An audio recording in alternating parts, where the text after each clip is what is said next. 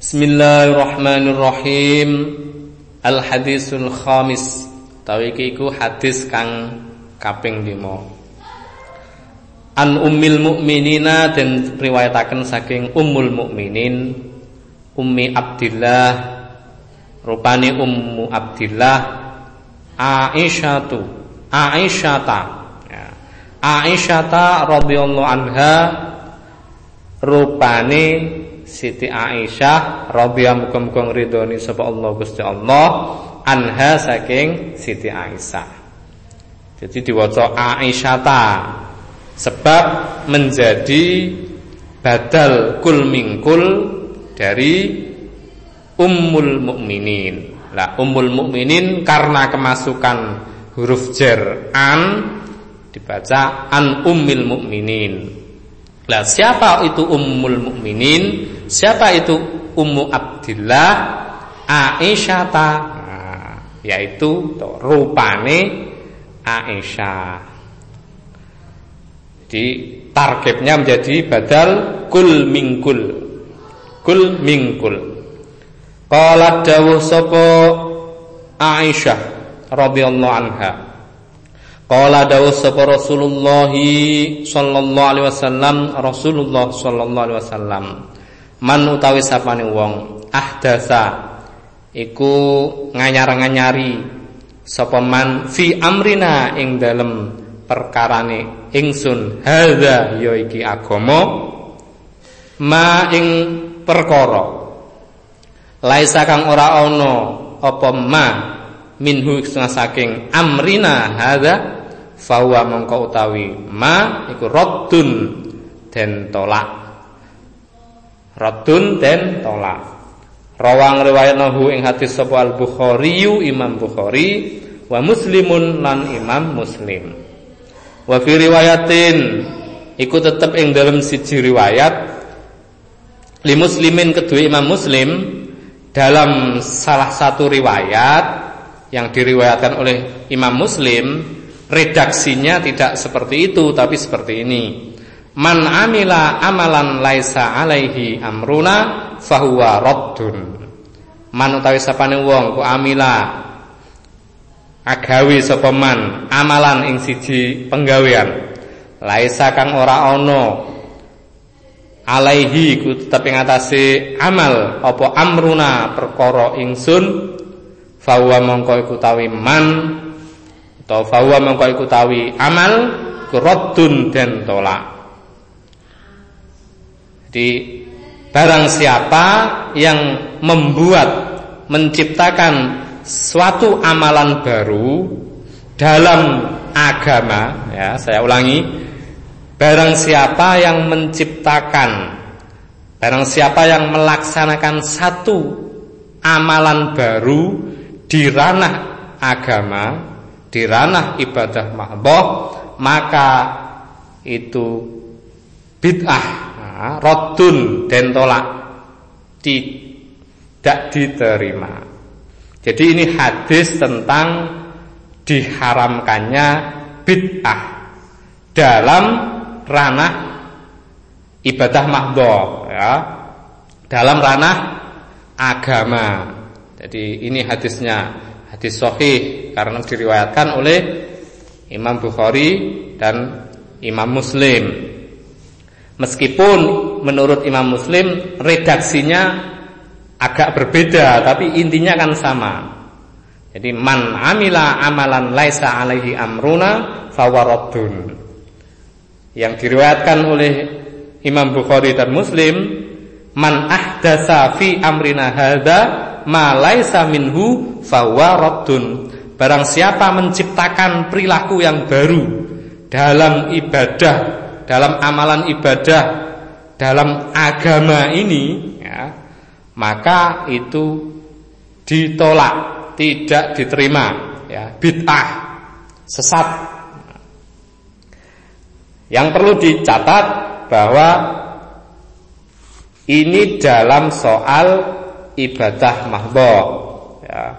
Jadi di, diingat-ingat bid'ah bid'ah yang dolalah bid'ah yang rodun yang ditolak tidak diterima itu menciptakan satu perilaku yang baru yang tidak dilaksanakan pada zaman Rasulullah dalam ranah ibadah mahdoh.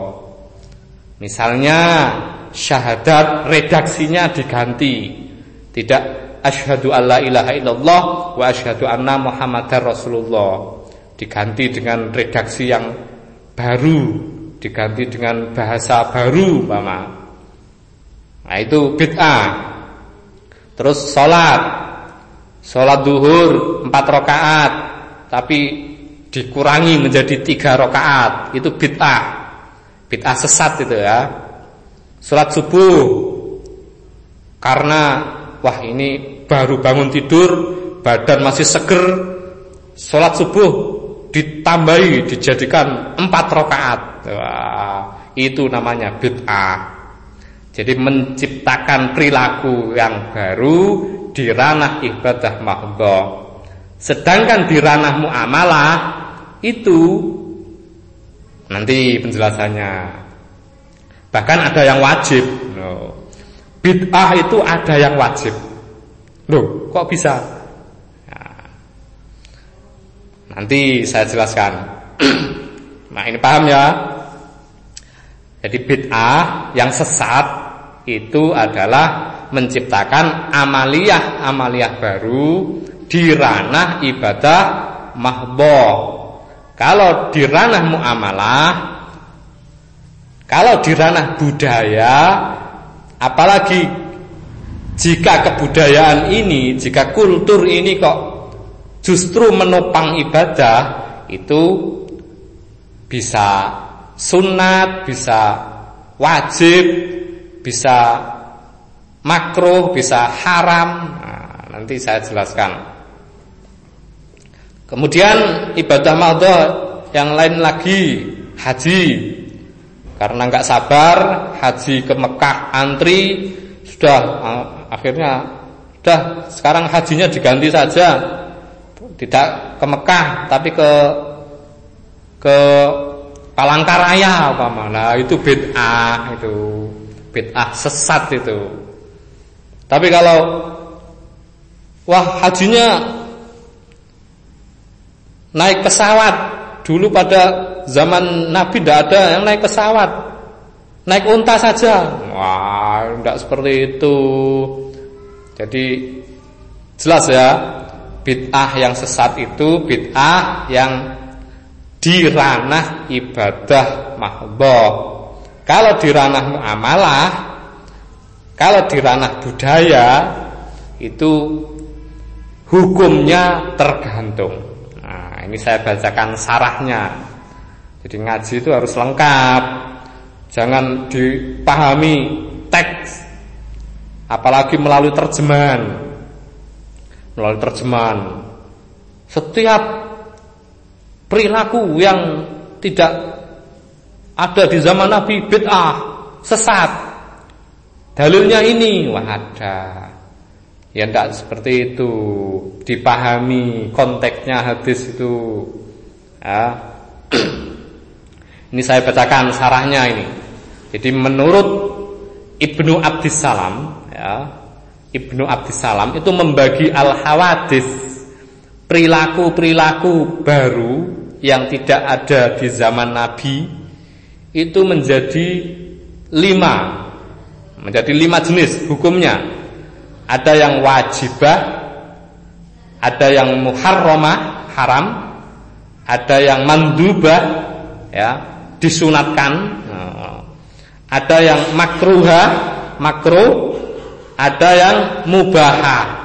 Mubahah itu boleh dilaksanakan ya tidak apa-apa, ditinggalkan juga tidak apa-apa. Yang pertama wajibah. Wajibah itu Kata alumin nahwi, kata alumin nahwi wa gharibil kitabah was sunnah wa nahwihima mimma yatawaqqafu fahmus syariah alaihi. Jadi bid'ah itu bahkan ada yang hukumnya wajib. Nah, ini menurut Ibnu Abdissalam. Bid'ah yang wajib itu yang bagaimana? Nah, di sini kata alumin nahwi seperti belajar ilmu nahwu, belajar ilmu gharaibul gharaibul kitab was sunnah wa nahwihima mimma yatawaqqafu fahmu syariah alaihi sebab memahami syariat itu tergantung pada kemampuan ilmu nahwu dan gharib itu tadi. Jadi mempelajari nahwu mempelajari sorof mempelajari ilmu balaghah itu bid'ah itu udah ada di zaman Rasulullah. Tapi justru bid'ah yang wajib. Sebab kalau tidak memahami nahwu sorof tidak memahami ilmu balaghah itu sulit untuk memahami syariat yang mana sumbernya adalah Al-Quran dan Sunnah Kemudian yang nomor dua yang muharramah haram hukumnya yaitu menciptakan eh, amaliah-amaliah baru ya pemikiran-pemikiran baru yang tidak ada di zaman Nabi. Kamadhabil qadariyah wal mujassimah seperti aliran qadariyah ya dan aliran mujassima. Mujassima itu satu aliran yang menyamakan Allah dengan makhluk. Mujassima. Jadi yadullahi itu ya dibayangkan Allah itu ya punya tangan sebagaimana tangannya makhluk. Jadi ada yadullahi fauqa aidihim. Mama ada ayat seperti itu. Itu jadi Allah itu punya tangan seperti tangannya makhluk. Itu aliran mujassimah. Jadi Allah itu punya jisim sebagaimana makhluk. Nah, itu sesat itu ya. Terus aliran qadariyah itu aliran yang meyakini bahwa manusia itu punya free will. Manusia itu tidak dalam kendali Allah. Jadi manusia itu bisa menentukan perilakunya sendiri, bisa menentukan apa dirinya sendiri. Nah, itu Qadariyah. Qadariyah itu lawannya Jabariyah. Kalau Qadariyah itu orangnya orang yang berpendapat bahwa manusia itu bebas sebebas-bebasnya. Jadi Gusti Allah ora melu campur tangan. Kalau Jabariyah justru menyatakan bahwa manusia itu majbur. Majbur itu terpaksa ya, tidak bisa berbuat apa-apa. Wis opo jari pengiran. Jadi manusia tidak punya apa itu kendali sama sekali terhadap dirinya. Aliran Jabariyah. Nah itu termasuk hawadis yang muharramah diharamkan. Yang ketiga mandubah. Mandubah ini bid'ah ya tapi justru dapat pahala. Oleh Imam Ibnu Abdussalam di sini diberi contoh kaikhdasir ribati wal madarisi wa bina'il qanatiri wa kulli ihsanin lam yu'had fil asril awwali. Jadi seperti membangun pesantren, membangun sekolahan, membangun jembatan, terus setiap tindakan baik yang tidak dilaksanakan di zaman Rasulullah. Itu ya bid'ah ya. Tapi mandubah nah, dapat pahala membangun jembatan, membangun pesantren, membangun sekolahan, terus membangun sarana-sarana umum. Nah, itu itu juga al-hawadis. Perilaku-perilaku yang baru dalam arti di zaman Nabi memang tidak ada bid'ah tapi bid'ah di ranah muamalah yang hukumnya manduba orang yang melaksanakan justru mendapat pahala. Yang keempat makruha. Ya, makruha. Makruh. Makruh itu kalau dilaksanakan itu tidak mendapat apa-apa, ya tidak dosa lah ya. Cuma ketika ditinggalkan itu lebih baik dapat pahala. kazuhrufatil masajidi wa tazwikil masahib wa tazwikil masahifi. Di sini Imam Ibnu Abdissalam memberi contoh seperti mendekorasi masjid dan menghias mushaf. Itu hukumnya makruh. Ya, bid'ah itu. Bid'ah yang hukumnya makruh. Menghiasi masjid, ya, eh, mendekorasi masjid, dikasih apa itu pama pernik-pernik sing macam-macam terus watazwikil masahifi menghiasi mushaf itu juga makro. Kemudian yang kelima mubahah.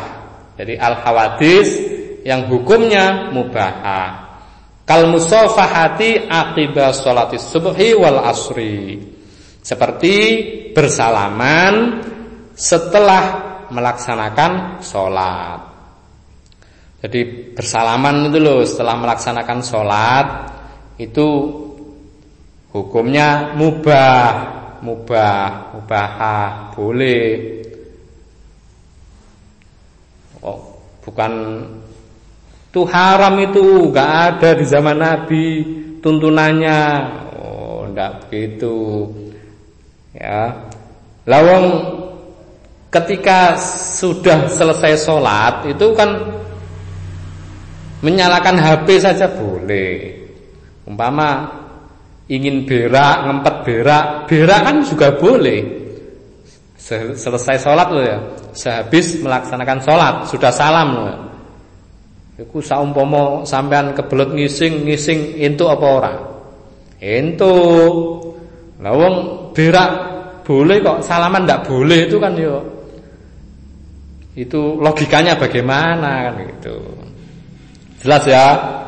Jadi bid'ah yang sesat yang dilarang dalam agama adalah bid'ah yang dalam ranah ibadah mahdhah. Sedangkan bid'ah dalam hal muamalah dalam hal budaya itu hukumnya dibagi menjadi lima ada yang wajib ada yang haram ada yang sunnah ada yang makruh ada yang mubah ini pembagian bid'ah ya. pembagian al hawadis tindakan-tindakan baru yang dilaksanakan oleh Imam Ibnu Abdissalam ya, Ibnu Abdissalam Baiklah terima kasih atas perhatiannya Semoga apa yang kita pelajari di hadis kelima ini bermanfaat bagi kita dan kita diridhoi oleh Allah Subhanahu wa taala. Sampai berjumpa kembali dalam kajian, dalam ngaji pada hadis berikutnya. Assalamualaikum warahmatullahi wabarakatuh.